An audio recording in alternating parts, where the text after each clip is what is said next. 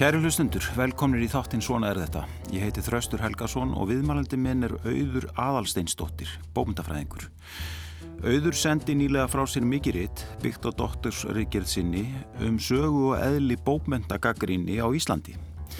Verkið heitir Því líkar ófreskjur en með þeim orðum lísti Jónas Hallgrímsson köplum úr Tristrans rýmum Sigurða Breiðfjörð í grein í fjölni sem oft er talin fyrsti íslenski rittdómurinn. Gaggrínundur sjálfur hafa þó oft orðið og ófreskjum í hugum lesenda og kannski ekki síður höfunda.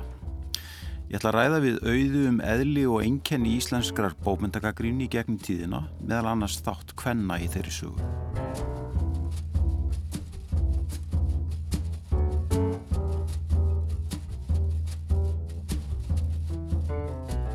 Auður, velkomin í þáttinn. Takk fyrir.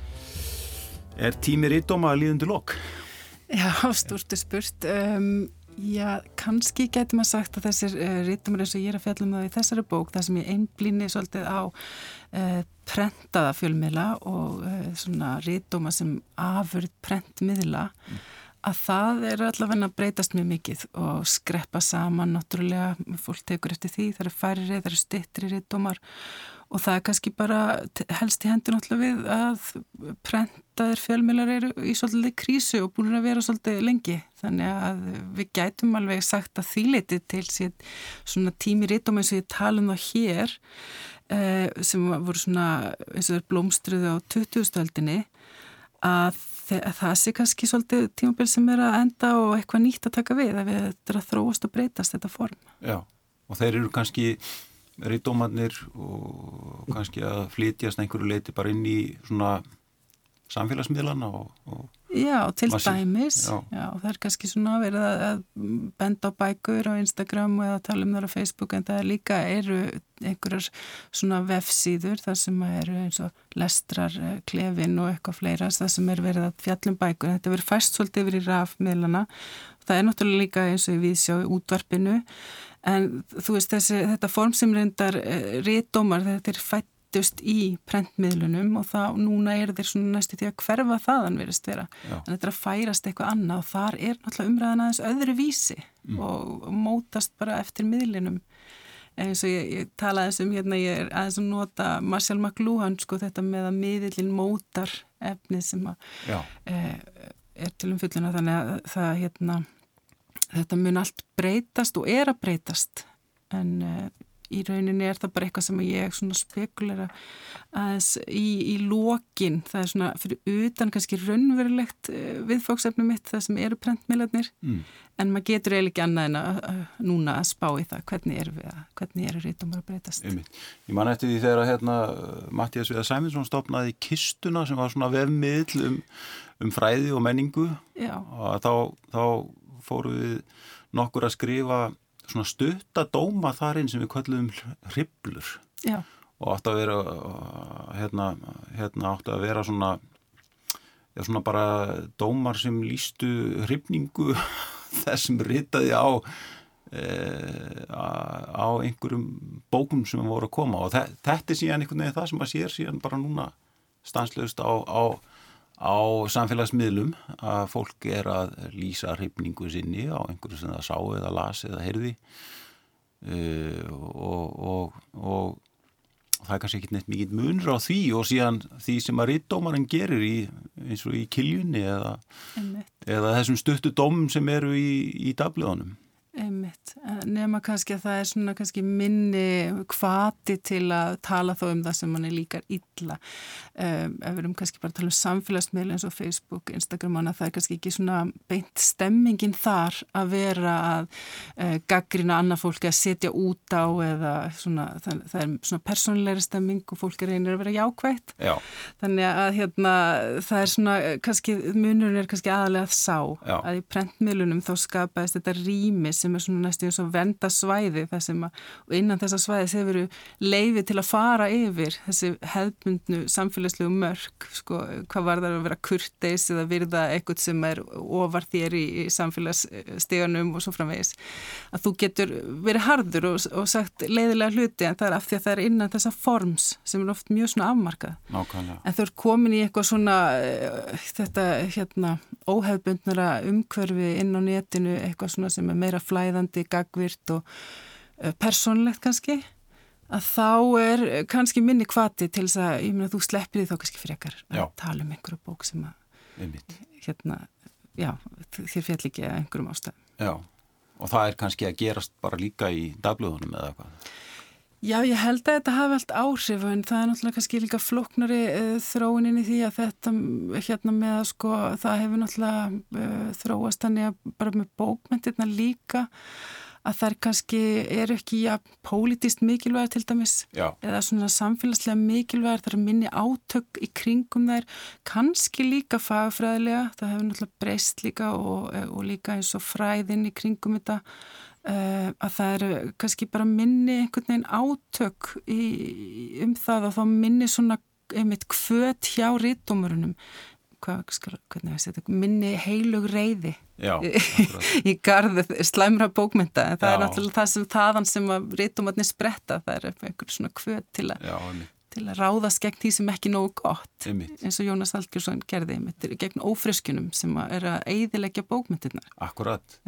Þetta, þetta er svolítið ymmit, það, það er hérna um, já, það er, það er þetta svona fagfræðili fjölbreytni hefur verið svona ríkjandi í gegnum svona bara síðustu 20 árið eða svo sko og, og, og svona þannig að, þannig að ymmit deilur um fagfræði eða um goðan og vondan skaldskap eru kannski ekki eins miklar og það voru bara fyrir 20 árum síðan Einmitt, þetta, þróun hefur eiginlega verið þannig. Já. og þá líka í fræðunum í rauninni þetta með að taka inn bara fleiri sjónarmið og hérna, umblíðin og aðra hluti kannski heldur en hvort eitthvað sé bókstaflega eh, betri skáldskapur en eitthvað annað eða hvað eru, hvort það séu góðar bókmyndir eða alvöru bókmyndir, allt Já. þetta. Uh, það er bara orðið miklu svona víðari vingill í rauninni.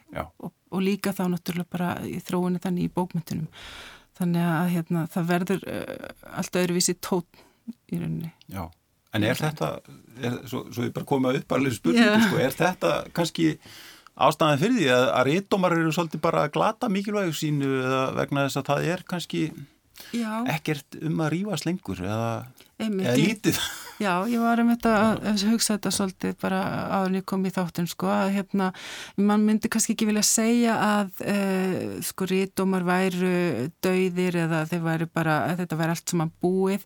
Það hefur náttúrulega verið oft, e, sko alla 2000-stöldinu var alltaf verið að tala um það að gaggríni væri ekki svipur hjá sjón og gaggríni væri kreppu og þetta væri, rítumar væri ekki lengur harðir og allt þetta okay, sko. Þetta er, þetta er svona stef sem hefur gengið. Áratuga umræða. En ég heldur reynda heldur að það sé raunveruleg breyting núna bara út af forminu Já. en ég held sko umræðin einmitt er kannski að færast í bara aðra svona farvegi og, og annars konar þannig mm. að ég held að hún heldur áfram um fjöllinu bókmyndir og svona gaggrinin umræði heldur vantilega áfram En, eh, en hún er, hlýtur að verða á einhverjum eh, öðrum nótum og, og það er eins og ég segi það er þá rítumatnir eins og við þekkjum þá til dæmis frá 20. stöldinni svona í þessi stóri rítumur í blöðunum. Já það er kannski ástæðan fyrir því að þeir eru bara einmitt að skreppa saman og þeim eru að fækka og þeir eru eins og smám saman að deyja út í já, blöðunum. Það, það virðist vera. Já,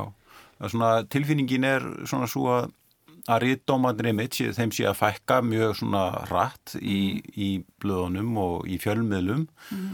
uh, þó þau séu þar ennþá í einhverju mynd og hérna en sko en sko gaggrínin er komin þá meira inn í fagtímaritin og inn í inn á svona ykkur svæði það sem að, að fræðimenn eru að tala saman en það berst ekkit endilega til svona hins almenna lesanda. Nei, einmitt. Það er svona það er svona ákveðin auðvitað eh, markasvæðing líka sem hefur verið og ég, svona eh, kaplaskiptir hittgerðinu minna þess hún er náttúrulega í tímaröð. Þú veist ég ákvað að taka þetta næstu þess að gaggrinni sögu. Já. þó ná náttúrulega aldrei að vera alveg ítarleg þetta er það lang saga. En ég kaplaskipti líka og ég þá er eitt kaplin heit er fjallar um sko markaðin og listina Einmitt. og það er náttúrulega þetta hefur kannski verið mitt frá miðri 20. stöld að hefur þetta verið mjög mikið svona markasvæð fæðingirinn í gangi e, svona e, á bókmyndunum og, og þá er það náttúrulega ekki mjög kvati í því og það gerist líka eftir að sko fjölmiðlarnir, prentmiðlarnir verða meira markasættir þegar hægt að vera flokksblöðin Já. Verða markasvætari fjölmilar þá náttúrulega fer líka svolítið uh, kannski kvati frá því að vera þú veist með uh, gaggrínu umræði heldur verður þetta meira markastengt, hvað er markasvænt og auðvitað uh, var það kannski metið þannig ofta hörðgaggrinni, stjörnur og hauskúpur og annað, það væri markasvænt það er svona selur og, en uh, þá fer kannski svolítið greiningin einmitt. yfir í uh, akademísku ritin eða yfir í fræðin fræðilegu ritin En svo núna er náttúrulega bara kannski stemmingin svolítið þannig uh, núna það er kannski ekki beint stemming fyrir uh, hauskúpum og, og svona aftökum í blöðunum lengur. Það Nei. er eitthvað sem hefur breyst þar held ég. Já. Mér finnst það og það eru svona færri og færri gaggrindur held ég til í að taka þennan slag Já. sem er, þetta er náttúrulega getur verið mjög erfitt hlutverk. Já og þar komum við að einu sem þú fjallar um í bókinni sem er bara sko, sko rittdómar í fáminni samfélagi. Já sem hefur það hefur þetta heilmikil áhrif sko að, að sko hérna á það hvernig dómar eru skrifaður og, og, og hvernig þessi samræðu öll fer fram að, að við búum í mjög litlu samfélagi Já. Og bómyndaheimurinn er mjög lítill. Emmitt og þá komum við kannski inn á þetta með sko emmitt valdrítum þetta hérna uh, undirtillin á bókin er vald og virkni rítuma mm. á íslensku bókmyndasögu ég var alltaf að, að svona frá upphafi að spá í þetta vald og hvernig rítumarinn uh, getur tekið sér þetta vald til þess að dæma og síðan viðbröðin sem að fær og þetta, þú þart alltaf að vera með einhvers konar samfélagslegt samþykju þetta á því að þú hafið leifi eða þú hafið einhvers konar uh, sért eitthvað yfirvald í þessum efnum mm. og hérna þannig að þeir sem hafa tekið að sér að vera harðir, þeir gera það í trösti þess að, að svona, fólk muni samþykja þá af einhverjum ástæðum þeir hafi mentun eða færni eða bara einhvers konar autoritet til að hérna dæma. En það er kannski verður alltaf erfiðar og erfiðar núna þegar að, þú veist viðbröðin verður bæði mjög svona hröð oft og kannski mikil og það er svona skapast kannski einhver stemming, nú þú segir bara um neti sko, eða þú setur eitthvað á neti og það getur skapast stemming í kommentakerfinum hérna, aðtjóðsemdakerfinum eða, eða á samfélagsmiðlum um að, um að hérna að þú hérna bara þetta sé bara svíverilegt að, að koma svona fram, Já. þá verður þetta náttúrulega eh, vald ennþá óurugra en það, það hefur alltaf verið svolítið óurugt, það hafa alltaf Já. verið viðbröð Akkurat. en það er eins og að verði ennþá óurugra og þá er það eins og, eins og segir, þá kannski eru færið sem eru til í að taka þessir, við vitum all að það eru gaggrinundur sem eru svona þekktir fyrir að vera harðir ennþá, en það er eins og þeim farið fækandi Já. og það verði svona minn og minni eh, eftirspurn eftir kannski Já, einmitt þarna kemur við inn á líka annað sem er mér finnst mjög forðunilegt í bókinni sko að og kemur fram í tillinum ófre, ófreskjulnar að sko að rit, sko gaggrínundur hafa í, gegnum tíðina haft á sér svona öðrum þræði lýrumislegt hérna yfirbragð. Svona, ég held að þú kallir það svona grótest grótesk ímynd, ímynd hérna e, og sko og, og það sem við þykir svolítið merkilegt er að, að upphafa rítdóma helst svolítið hendur í það að það er svona að það er þessi harka og að ófreskjan teikundi máls sem, sé, sem er þá gaggrínandin Já, einmitt. Ég fór svolítið langt aftur þegar ég var að reyna að finna uppbrunna bókmyndagagrinnar eða þess að ríðdóma en ég reyndi nú að halda mig upp prenta fjölmila þannig að ég var þarna að skoða sko, tímaritt frá 17. öldi í Evrópu og svona hvað, þegar það kemur fram einmitt svona bóka umfjöllun sem er mjög skemmtilegt að sjá sko líka forsenduna þar því að það er svona sagt e, svona rítstjóri sem segir já þú veist það er til þess að fólk geti fylst með það þarf kannski, ef það hefur ekki efna að kaupa bækurnar þá getur alltaf að lesa umfyllunum bækurnar og þá getur það að tekið þátt í samræðum um bækurnar já. Og en svo var svona, var dómar líka sem að fylgdu með og svona umsagnir um hvort að bækur væri góðar eða ekki á umsum fórsendum og það strax komu uh, harkalið við brá móti. Já. Þannig að bæði sko höfundar og útgefundur og aðri voru ekki að sætta sig við þetta og þá kom strax þessi spurning sko hvaða vald hefur þú til að setja því þetta er dómarsæti og, já, og segja bókið mín sé ekki nógu góð og hver er þú að, að hérna ákveða það. Já.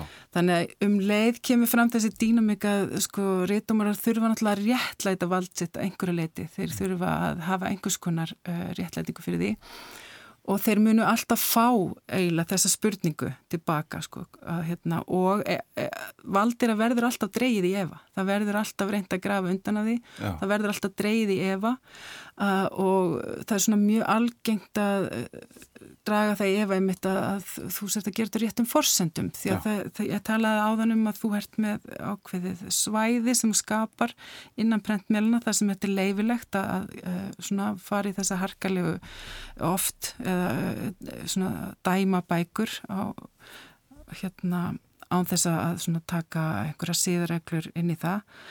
En um, þetta svæði það er, það skapast gút frá því að þú sért að gera þetta á réttum fórsendum. Þú ert að gera þetta á einhvers konar eh, fórsendum bókmentana og í þái bókmentana Já. og það liggi ekki einhverja annarlegar kvatir á baki og þá getur að vera pólitískar uh, ástæðir að þú sett ekki með einhverja pólitík, þú sett ekki með einhverja persónleira ástæðir, þú sett ekki að reyna að uh, hampa sjálfum þér eða þú sett ekki að ráðast á óvinni þína, þú sett ekki að hyggla vinum þínum og svo framvegis. Já. Þannig að allt þetta er uh, undir og þetta er bara kemur frá upphafi og þetta helst allt frá okkar dag. Við sjáum nákvæmlega sömu ásagannar koma fram á hendur í domum alveg allt frá upphafi og þar til nú og þeir þurfa svona eiginlega næstu alltaf að sanna að þeir séu að gera þetta eins og margir segja hreinlega af ást til bókmyndana þegar ég er ekki að gaggrina þetta því að ég missi illa við höfundin segja þeir heldur Já. af því að ég vil að bókmyndirnar eh, séu hérna góðar og hérna þessi verði einhver svona já þessi hægt að bæta þær og svo framvegs en hérna en þessi grótinska ímynd er einmitt eitt af því sem mér fannst svo áhugavert að það er náttúrulega Sofja Auður Birkistóttir hefur aðeins fjallað um þetta eh, hérna að eh, gaggrindum hefur hefur líkt við svín og lús og sníkjudýr og, jú, jú. og allt þetta sko Geldingarna í kvennabúrinu og allt þetta já, sem að hérna emitt, eru, allar þessar líkingar sem að hafa Já, emitt og þannig að þeir eru svona eh, gerðir gróteskir og, og, og hlægilegi svolítið já. og það er náttúrulega mjög mikið svona stert viðbráft að reyna grafindan en þannig Já og það er náttúrulega það sem ég er líka að tala um að þetta vald er að síast, þú veist það er bæði, er þetta ótryggt en það er líka svo ógnvænlegt. Og hérna að þeir hafi þetta vald, þannig að það er alltaf verið að reyna að grafinda því og það er náttúrulega mjög gott vopn að gera eitthvað hlægilegt Já. eða að gera eitthvað grótest Já. og hlæja síðan að því. Um, hvort það virkar síðan alltaf, það er annar mál en, en þetta er eitthvað sem er mjög ábyrgandi Einmitt og þetta er raun og veru svona semst, rítómur Jónasar Hallgrímssonar um, um Tristans Rímur. Já. er eh, fyrsti dómurinn eða hvað sem er svona skrifaður sem, sem er svona hörðgaggrinni á bókmyndategundu og skáld það er einhverju dómar áður. Jú, það er einhverju svona sem ég kalla bókalista sem að byrtist þarna í skýrni uh, sem að voru, það sem var svona uh, listar bara á yfir bæku sem voru útgefnar á síðasta ári og um, oft er, stundum er á tímabili þá nokkur ár þá, þá koma þarna uh, svona umfjallanir um bækurnar.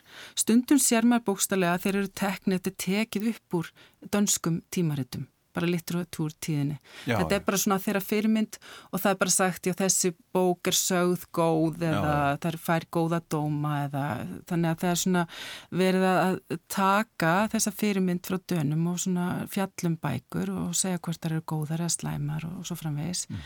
En þetta er svona kannski fyrsti, fjölinsmennur er kannski fyrstir í þessu að koma fram að danskri fyrirmyndu þetta og, og svona vilja bara emitt, taka slægin og mm. það er eitt af því sem að ég náttúrulega nefni sem forsendur þessar rítumar komið fram.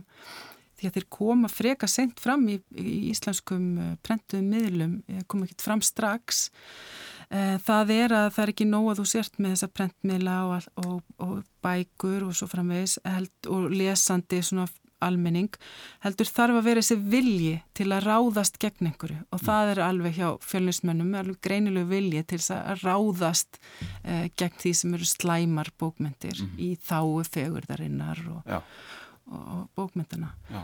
Þannig að það er það sem hann gerir og þess vegna er það svona í rauninni er hægt að taka undir það. Það er þessi fyrsti svona raunverulegi réttómurinn út frá þeirri skiltingu. Og þetta sama gerist, þú skoðar líka eiginlega upp á réttóma eins og segir í Danmörku og svo í Breitlandi ef ég maður rétt. Já. Og þetta er eiginlega sama sagan þar. Það er þetta sem skilgreinir fyrsta réttóminn, ekki þetta? Jú, það var einmitt það sem ég fannst svolítið áhugavert að því ég las þarna að það var rétt sem var skrifað, einmitt doktorsritki sem var skrifað um danska réttuma og þá einmitt sá ég það að það var þessi uh, sama sko skilgreining notuð að vera að tala um svona fyrsti eiginlegu réttumurinn að það var líka svona harkalig skrif Já. sem að það sem var ráðist gegn einhverju og uh, í rauninni margt bara hérna líkt með því hvernig það var sett fram. Það var svona bara einmitt að Jónas er náttúrulega mjög skemmtilegur í dómurinn hans, hann er alltaf svakalegur í rauninni, hann, hann ræðist mjög harkalega á uh, rýmurnar og Sigurð og hann er sko, en, en hann gerir þetta vel að, að því leiti að þetta er svona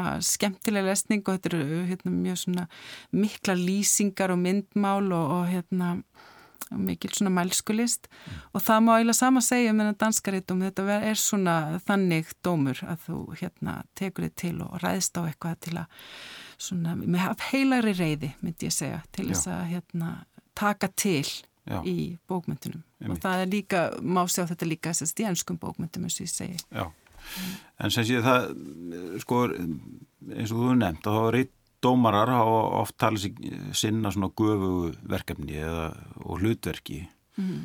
en, en þeir eru hins vegar stundum uh, álitni vera og lesnir bara sem nöldrarar og jáfnvel með einhvern annarlegan málstað eins og þú nefndir hérna mm. áðan og þetta er eiginlega sko vonlu stað að vera í og það, það, það er eiginlega sko þegar maður skoðar svona þessa sögu í bókinni og það reykir sögunni í bókinni að að það hefur eiginlega aldrei verið neitt svona samkomla um það hvaða hlutur ekki gaggrindur gegna eða hvað?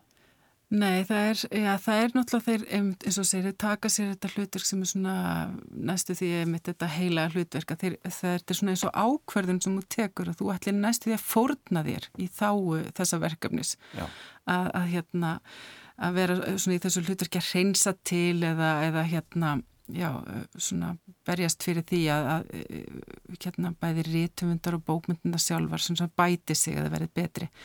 En uh, þeir, þeir eru oft svo meðvitaður um að sjálfur uh, einmitt gaggrínendunir að um leiða þeir gera það að þá lenda er í þessu grótiska hlutverki sem ég nefndi á hann og þeir lendi í þessu hlutverki að vera með nöldrarar Já. og hérna, þeir segja oft sjálfur nú vil ég ekki virka eins og nöldurseggur eða hérna, þeir, þeir eru mjög meðvitaður um það ja, Það er eitthvað afsaka sig. Já, Já. Og að því að það er náttúrulega það sem gerist óhjákvæmilega. Þú ferði þetta hlutverk að hérna, og, og þetta er náttúrulega það sem tóast á það er það sem að þú en þetta er kannski eins og meðutun ákveðum um að fórna sér bara og gera það samt og taka á sig þetta hlutverk Já. þannig að það er viljið til að gera það Já. líka Þú nefndir svona hreinsunastarf en það, það er eitt mjög forðilegt hugdag að þú segir að rítumar hafi virkað sem hreinsunar aðtapnir Já, einmitt Hva, hvað, hvað áttu við með því? Hvað? Einmitt, þannig er ég komin aðeins inn í sko, teóriuna sem ég notaði í rítgerðinni þegar ég var sem sagt eh, nota um, þetta eru kenningar frá Mary Douglas eh, mannfræðingi og hún er að tala svona bara samfélag yfir leitt að það er eh, samfélagsgerðin eh, byggja því að það er svona að maður má ekki fara yfir ákveðin mörg, mörg samfélagsins.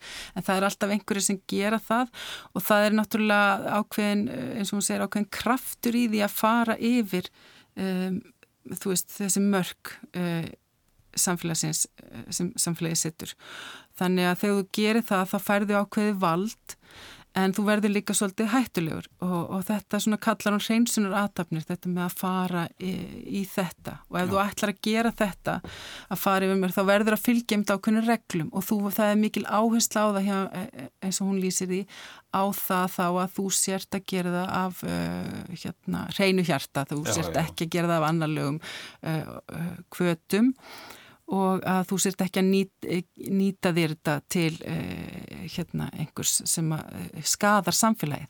Þannig að þú, en um leið og þú ert farin að fara yfir einhvers svona mörg að þá um, ertu alltaf mögulega hættulegur? Þannig að þú mm. verður alltaf tortryggilegur og ert alltaf mögulega hættuleg manneskja. Þannig að því litið segja sko að e, svona við, maður getur tekið þessar kenningar um þessar hreinsunatafnir því þeim skilningi getur maður litið á e, rítdóma sem svona atafnir þar sem mm. ferði verið einhver mörg sem að hérna förum kannski vanlega ekki yfir eins og Já. ég sagði áðan við svona e, göngum lengra en við myndum kannski gera annars. Já Og, og, hérna, og þá skapast þetta vald sko, það verður mikil kraftur og það skapast uh, hérna, áhugaverð umræða og svona já, en, en, en um leið þá er það alltaf þessi ótti við að reytumurinn mísnóti vald sitt. Já. og hérna Rým, Rýmnadómur Jónasar eru þetta dæmi um þetta ekki satt? Jú, jú. En, en sko en, en er, ykkur dæmi svona úr syndið eða bara frá síðustu áratugum sem að um að einhver hafi misnota Já, eða sé, um svona eh, já, reynsunar sé að, að, að það er einhver sem hjólar í einhvað það, það var, við getum auðvitað sko, það var bara það var auðvitað mikil anstaða gegn mótiníska ljóðinu og það var hjólað í það það var, það var hjólað í líka hérna í myndlistinni, í abstraktið og, og svo framvegið sko en, en eins og vorum að ræða hérna rétt áðan sko að þá, þá er þetta kannski ekki hluti af rítum síðustu áratugu eða hvað, síðustu Nei, einmitt. og þess er öldið Já, einmitt. Og einmitt, ég veit ekki hvort ég get einmitt nefnt Kannski ekki þetta fullir það eða Nei, en það ekki einmitt það getur verið það, það, þess vegna líka sko, þá hverfur ákveðin kraftur úr því líka ef þú Já. ert ekki farin að fara yfir einhver mörg og, og ég meina þessi átökur er farin úr. Sem eins og segir þessi dæmi sem þú nefndir og svo líka bara pólitíska átök og annað sem hafa verið í gangi í, í ríðdómanum Akkurat, kaldastriðið og allt þetta sem já, endur speklaðist í því hvernig fór, var skrifaðum bómyndir Einmitt og þá eru náttúrulega bókmyndirnar uh, mikilvægar, uh, svona einhvern veginn mikilvægar vývöllur uh, líka, þannig að það er svona hart tekist á þar, þannig að það verður uh, svo umræða fær, bókmyndumræðin fær svo mikið gildi og mikið pláss í rauninni og það er náttúrulega mjög mikil harka, uh, en það er náttúrulega var líka fyrr, ég minna í... Um, í sjálfstæðisbaratunni og þú veist þessi þjóðurnis romantík og allt það sem er þar það, þetta verður svo, bókmynd þetta verður svo mikil, mikilvæg hluti þar líka þannig að mm. það verður svo mikil átökum það hvernig það er eiga að vera og hérna í kringum þetta þjóðurlega líka mm. að þetta verður uh, skiptir svo miklu máli Já. þetta er ekki neitt sem að sko er bara hérna til skemmtunar heldur Já. er þetta eitthvað sem skiptir mjög miklu máli samfélagslega Já. þannig ég held að þú veist bókmyndin hafa oft haft svo mikið vægi hvað það var þar en það hefur einhvern veginn breyst og núna eh, sko sér maður ekki alveg uh, þessar svona átakalínur Nei. í bókmyndunum þó það kannski, kannski væri hægt að finna eitthvað ég minn eins og nú hefur náttúrulega umræðan færst annað yfir í kynjapólitík og, og annað sko Einmitt. þannig að maður mætti öruglega að finna svoleiðis átakalínur já. en það hefur bara, já, það hefur svona aðeins breyst Já einmitt komum betur á því hérna og mm. eftir. En, en það er, það er ákveðin þróun sem á stað á 2000-öldinni hún nefnir hérna sé hlutverk bópmenta og bópmenta umræðu í svona sjálfstæðisbaráttunni og svona umræðunum um hérna þjóðlegu menningu og svona sem var ábyrjand á fyrirlutanum en síðan En síðan uh, verður breyting á setni hluta 2000 aldarinnar. Þar sem að svona uh, verður til einhver svona aukin krafa um svona faglega nálgun og, og meiri svona akademísk vinnubröð og, og alls konar svona hluti. Einmitt og það er kannski einmitt áhugavert að þá myndast líka svona átöki kringum það Já. Því að það er náttúrulega, þá kemur uh, í rauninni bara mjög mikil andstaða við teóriu og þessi hérna, fræði sem koma þarna, já upp úr meðri 20. öll, þá fer þetta að vera meiri áherslu á að skoða bókmyndirnar á, á fræðilegan hátt og greina og, og hérna á ymsan hátt og það verður einmitt, uh, kemur upp uh, mikil andstaða við að tala svona um bókmyndir og þarna komum við náttúrulega inn á þetta með að ég tala um mikið um það í bókin að rítumar sprett upp frá svona það sem að ólíks við mætast. Það er svona eina tókstöðunni í rítumum mm. og það er til dæmis þetta með þetta persónulega og þetta faglega sem mætist í rítumum og sem ánáttúrulega hluta til skýringu í því að það er verið að fjallum bókmyndir og bókmyndir eru svona taldar einmitt tala til eins persónulega. Þú veist ég að spretta upp af hennu persónulega hjá höfundi en þar, eiga, þar eru svona eitthvað, já þar eru persónulegar í eðli sínu. Mm. og hérna þegar þú ert farin að fjallum það og svona vísindilegan hátt í rauninni þá kemur upp einhver svona hérna andstað við það. Mm að hérna, það sé verið í rauninni bara að greina, þú veist, bækur eh, bara til dauða eða þú veist, það sé bara líka ekki verið að e, þú getur ekki fjallað um bækur að þennan hátt. Nei, sé verið að krifja lífið úr þeim einhvern veginn. Já, einmitt Já. og hérna, þannig að það verða mikil átöki kringum það í rauninni þarna uh, og mikil umræða kannski, Já. sem er svona frjó umræða líka þetta með að hérna, vera, já, svona eiginlega bara hérna láta bækuna tala til hjartans eða heilans, getum orðað þannig. Mm. Þessi hérna, umræða stendur eiginlega bara hvað hæstu það ekki, bara þegar við erum að byrja í þessum bransaði, bara á nýjunda og tíunda áratögnum Já, einmitt, Sett. eitthvað svo leiðis og, og hérna, jú, það er alveg ofbúslega mikil uh, teóri umræði þá. Já. og teórian á svona mikið undir högga sækjöft, það er svona mjög mikið verið að gaggrína þetta já, og líka nota fræði e, til þess að hérna, not, nota bæk, bækurnar bara til þess að svona sanna einhverjar teóriur og svo framvegis þannig að hérna, setja það ekki fyrsta sæti Já. og á þessum tíma náttúrulega líka feminismin hefur verið svolítið, að sækja sér veðri þarna og það, þú veist svona svolítið rótækt eitthvað sem að vekur líka svona andspyrnu Já.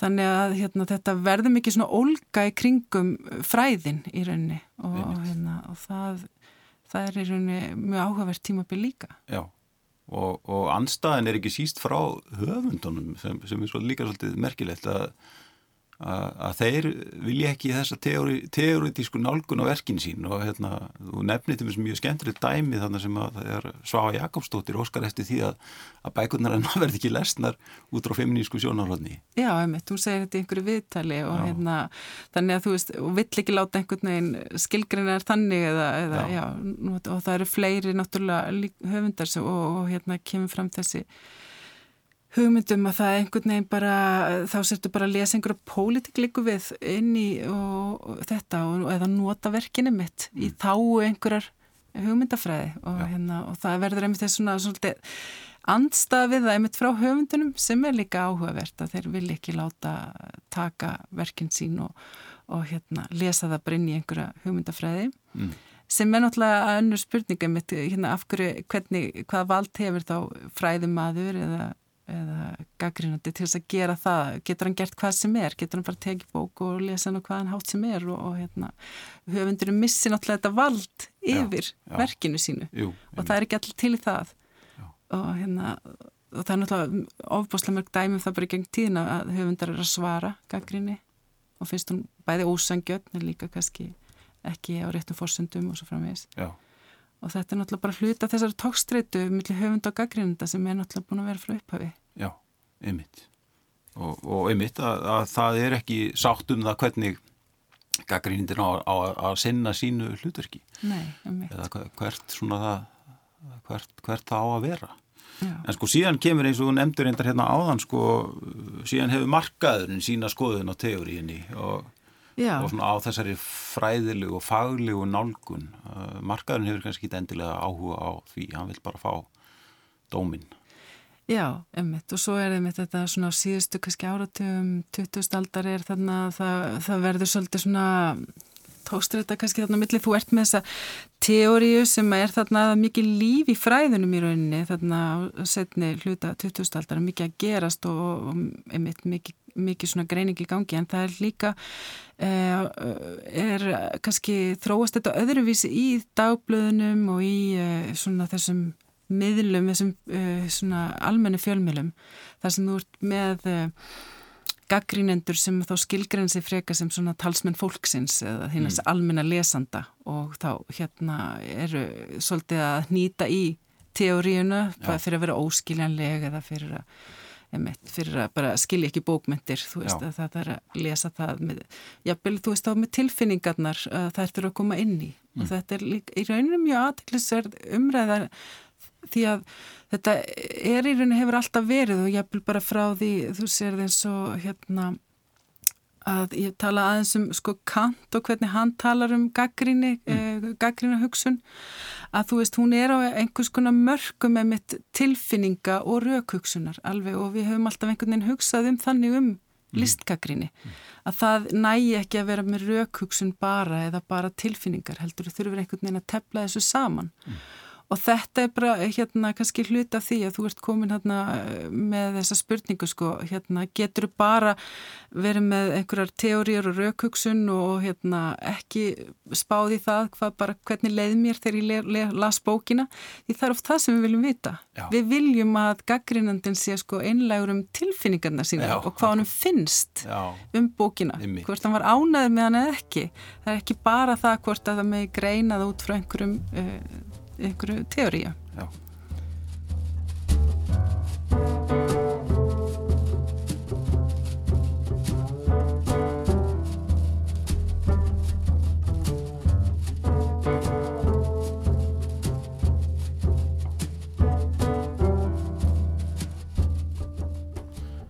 Kæru hlustundur, ég heiti Þraustur Helgarsson og þið eru að hlusta á þáttinn Svona er þetta. Gestur minna þessu sinni er auður aðalsteinsdóttir, bómyndafræðingur. Í þessum þáttum hefur við rætt við forutnirætt fólk úr ímsum kemum samfélagsins um reynslu þess og viðhorf. Þorleifur Örn Arnarsson, leikstjóri, rættu um aðferðir sínar og nálgun við leikstjórnina. Hægt er að hlusta á svona er þetta í spilarrúf og í öllum helstu hlaðarps veitum. Hluti af nálguninni og ástæðin fyrir því að mér finnst svo spennandi að fá marga rattir saman inn er til þess að sko skapa eitthvað sem gæti aðeins orðið til með fólkinu sem er hér og nú í þessu verkefni.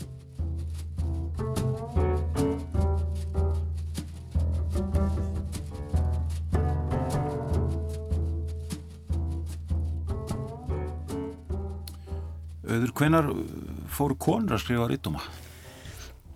Já, það fóru svona fyrir alveg að skrifa rítumma bara íla í upp af 20. aldar meina, maður fer svona að verða varfiðar uh, þegar að fyrstu uh, í fjölmjölum þegar fyrstu kvennatímaritinn koma fram það er svona síðustu uh, síðast áratug 19. aldar þannig að það eru en það er farin nú ekkit strax að skrifa svona eiginlega rítdóma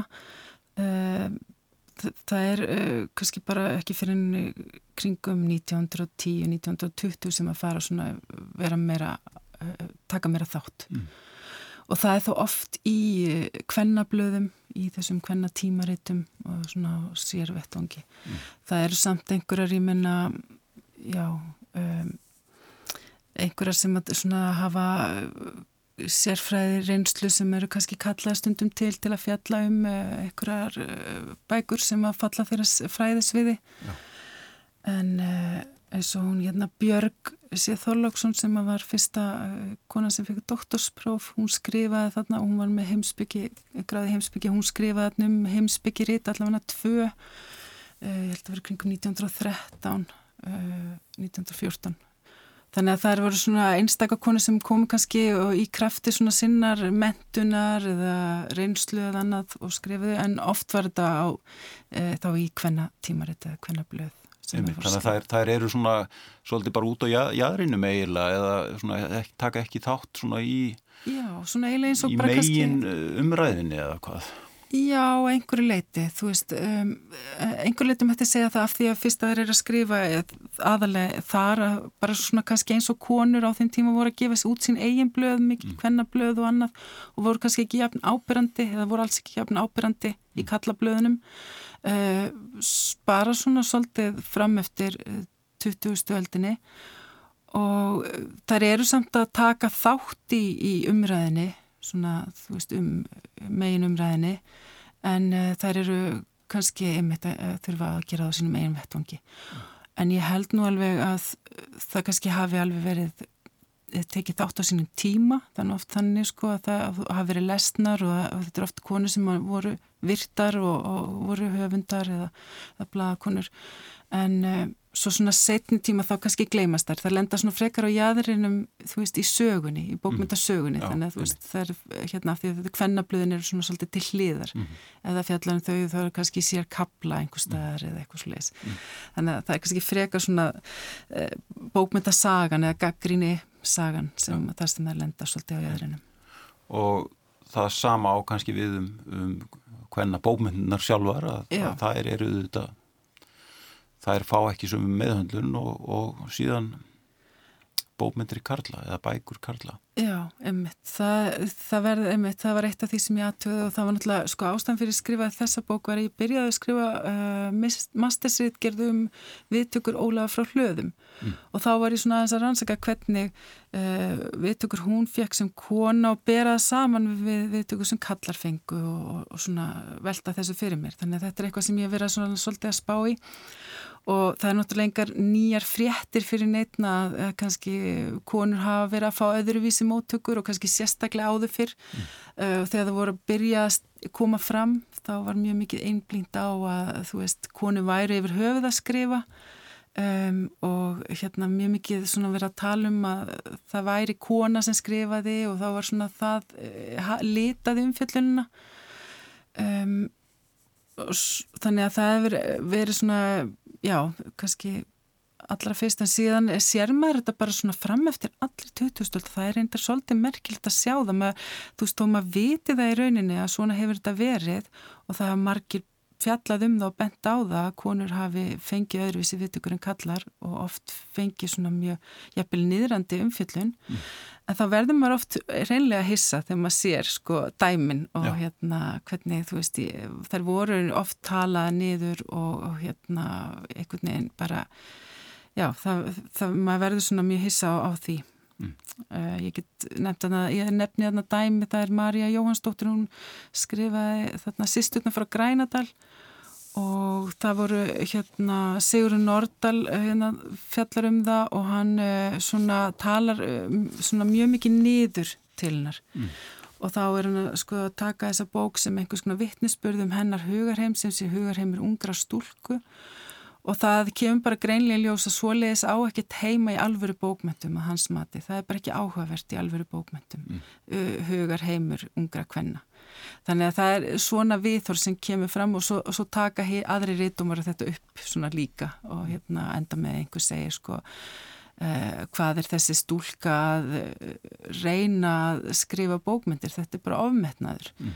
og þannig að það er svona skilabóð sem koni fá í rauninni gegnum tíðina en, eh, og hérna sem er náttúrulega alveg ótrúlegt ofta að lesa en það breytist náttúrulega smám saman og maður sér síðan líka eftir sko í þarna setni bylgi feminismans uh, og þarna kannski aðeins fyrr í kjölfari þegar uh, umræðinum kettlingabókmyndir kemur fram sem Helga Kress hefur nú talað mikið um mm. þegar þetta orð kettlingabækur var notað þarna á tímabili uh, á sjönda áratögnum og alveg á, inn á áttunda áratögin að þá fara konur svolítið að svara fyrir sig mm. og, og koma fram með svona feminískar aðtöðsendur á móti og hérna uh, rítöfundarnir mm. þannig að þeir hérna er, vil ekki taka þessu að það sé tala svona um bækurna þeirra mm -hmm. þannig að þá sér maður það og síðan hefur náttúrulega breyst mjög mikið og eins og í dag þá eru náttúrulega bara konur eru náttúrulega bara svo, orðin svo stór hluti rítumunda mm. þú veist, þetta er bara allt öðruvísi dýna mikið í dag Já. en hérna, en við, það er bara líka áhugavert að það er ekki bara að tala svona um, um hvern höfunda, heldur líka sko fá konu kannski ópinn og bein skilaboð um að þær uh, séu kannski ekki efni í gaggrinendur og það finnst mér líka áhugavert mm. að hérna Hvaða tíma ertu þá að tala um? Þá er ég að tala um aðeins fyrr uh, ég er að tala um bara kannski já, kringum uh, 1900 mm. uh, þá er ég, ég var til dæmis Ólafía uh, Jóhannsdóttir, hún er hérna í einhverju rétteilu og við hérna Valdimar einmann Bríetar Bjarni Jensdóttir og og hann fer að hérna, tala um það svona mjög háðslega að kannski enda það bara með að hún ætla að fara að dæma bækur og kallar hann að stúdjósus Ólavíu og þó, að hérna, þá farir nú að bætast bragurinn á bókmentunum og það er svona mjög háðsleg umræðum um það að, þessi kona myndi nú fara að dæma bækur hva, hvers, konar dómar það væru. Annað sem er líka kannski þarna emitt á þessum tíma um, á 19. öldinni, það er hérna Jón Ólásson sem er að skrifa þarna bækur uh, mikið gaggrinni í bladamæður þá hann skrifar uh, mikið gaggrinni og er svona, fer mikið fyrir honum en hann uh, er að svara einhverju rítómi líka og hann segir þá að þetta hljóti bara að vera einhver jómfrú sem hafi skrifað hennan rítum því að það er greinleita að þetta sé enginn sem hafi fengið almeinlega mentun, þetta er einhver sem liggur í dönskublöðunum og þetta, það, það er svona þessi skilabót til hvennum að þær séur henni ekki með það sem til þarf mm. til að vera eh, rítumarar sem hlýtur að hafa haft áhrif og maður sér það þegar það byrja síðan að skrifa þetta í kringum aldamóti 1900 og svona e, þessa fyrstu ára til 20. aldarinn að þær fara mjög valega, þær eru ofta svona að segja já uh, þú veist, umtalið er þannig að þessi bók sé góð og hérna, þessi bók telst vera uh, merkileg og svo framvegs. Það er kannski lítið erfitt með að fara í þetta hlutverk þar sem þú tekur þetta vald eins og ég segi þetta er náttúrulega svona ákveð, þetta er erfitt að fara í þetta hlutverk að taka þetta autoritet. Mm. Þannig að það tekur þær svolítið tíma Já. að komast inn í þetta. Mm -hmm. og, og gerist kannski ekki fyrir þarna á 7. 8. áratunum eða eitthvað? Já, ég kannski hérna í rauninni og já, það getur verið þessi bara einmitt þá og einmitt tengist á þessu með eins og ég er að tala um þegar að þetta fyrir að vera faglegri umræða, teóriðan kemur inn, þá er náttúrulega að koma hérna feminísku fræðin eru mjög sterk þannig að konu fara að koma svona svolítið sterkar inn þá einmitt. sem gaggrinendur. Já og þá kannski með meira svona hérna, meira öryggi vera, hérna, taka sér pláss og hérna koma með skoðun. Mm, Einmitt. Sko uh, hefur skoðað uh, svona samanburðu útlandi í þessu, þessu sambandi að hvernig þróunin var annar staðar? Ma, Var þetta hvenga grindur? Já, var, já þáttu hvenna í bókmynda umræðinu að sko Um, Nei, en tilfinningi mín er svo sko að konur hafa verið freka sent á ferðinni hér mm. að mm. bæði sem bladamenn og gaggrindur svona aðeins setni einhvern veginn uh, að taka við sér en það er svolítið erfitt að ég hef svona reynd að finna rannsóknir á þessu sviði en það hefur bara ekki verið mjög auðvelt og þegar ég vera hérna eins og ég vera notast við rétt um gaggrinni þá er kannski ekkit minnst á margar konur. Mm. og ég hef verið að senda svona fyrirspurnir og reyna að finna út sko hvort einhver hafi verið að rannsaka þetta. En það, það, er, það er einmitt þetta eins og ég nefndi að í gaggríni sögunni þá lenda konurna svolítið á jæðrinum Já þannig að hérna, það verður alltaf meiri vinna að finna þær. Þannig að ég hef hreinlega ekki haft nóg mikið höndunum til að geta búrið það saman. Þannig að við sitjum uppi með árleðina já, já, ég finn að það verður eflust hægt að fara í rannsóknir en það bara myndi taka nokkur ár vantarlega að finna þennan samanbyrð Akkurat Það var gaman að fá því í þáttinn og, og ræða þetta svona fram og tilbaka og þetta getur við haldið áfram lengi. Þetta er rísastól bók svo, sem þú hefur skrifað og skilað af þér um efnið og, og mjög foröldileg til að mikið með hana. Takk fyrir. Kæri lustundu, verðum hér aftur af ykkur liðinni, góða stundir